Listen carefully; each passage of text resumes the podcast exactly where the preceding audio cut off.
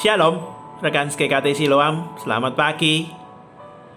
Mari kita nikmati hari ini, karena hari ini pun juga ciptaan Tuhan. Mari kita berdoa dan kemudian kita renungkan bagian firman Tuhan.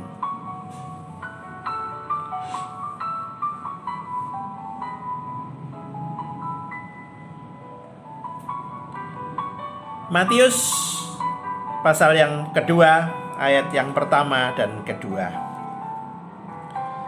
Sesudah Yesus dilahirkan di Bethlehem di tanah Yudea pada zaman Raja Herodes. Datanglah orang-orang Majus dari timur ke Yerusalem dan bertanya-tanya, "Di manakah dia, raja orang Yahudi yang baru dilahirkan itu?" Kami telah melihat bintangnya di timur, dan kami datang untuk menyembah Dia. Hal yang unik dalam ayat ini adalah yang hendak menyembah raja orang Yahudi itu bukan orang Yahudi, tapi orang non-Yahudi yang dipandang sebagai orang kafir oleh orang Yahudi sendiri. Goyim. Para pemimpin agama Yahudi yang sudah mengetahui dari kitab suci bahwa Mesias akan dilahirkan di Bethlehem, itu dari Mika 5 ayat 1, malah tidak dikatakan mencari sang raja ataupun memberi persembahan kepadanya Raja Herodes yang memerintah zaman itu terkejut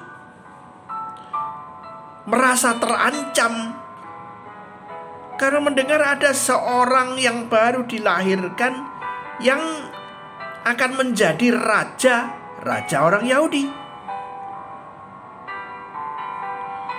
Zaman sekarang pun ada juga banyak orang yang merasa terancam kenyamanan hidupnya bila ada orang yang memberitakan tentang Tuhan Yesus dan ajarannya.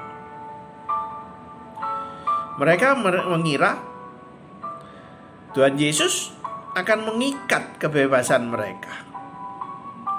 Padahal dia justru akan membebaskan mereka dari ikatan belenggu dosa.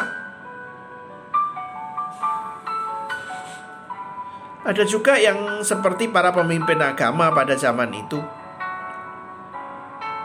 Mereka sudah puas hanya dengan mengetahui apa yang dikatakan tentang Mesias, yaitu bahwa Mesias akan dilahirkan di Bethlehem.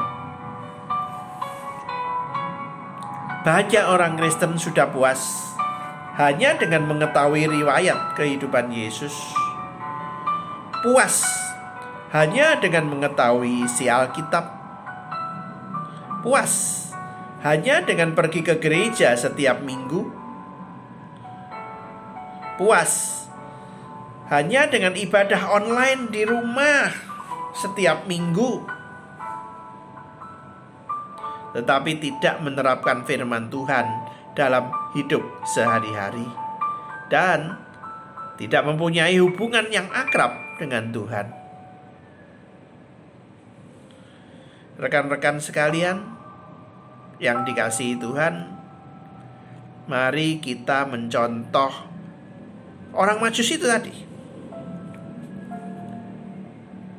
Mereka tidak sekedar mengetahui teori saja, tetapi juga bertindak lebih lanjut, datang kepada Tuhan Yesus untuk mengenal Dia secara pribadi lalu memberi apa yang terbaik kepadanya.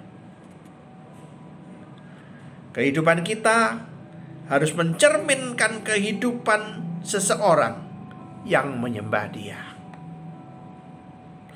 Bagaimana dengan kita?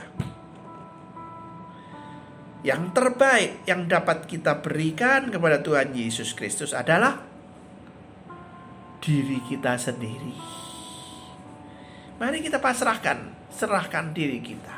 Kita persembahkan diri kita, persembahkanlah tubuhmu sebagai persembahan yang hidup, yang kudus, dan yang berkenan kepadanya. Bagaimana dengan kita? Tuhan memberkati kita semuanya. Shalom. Selamat pagi.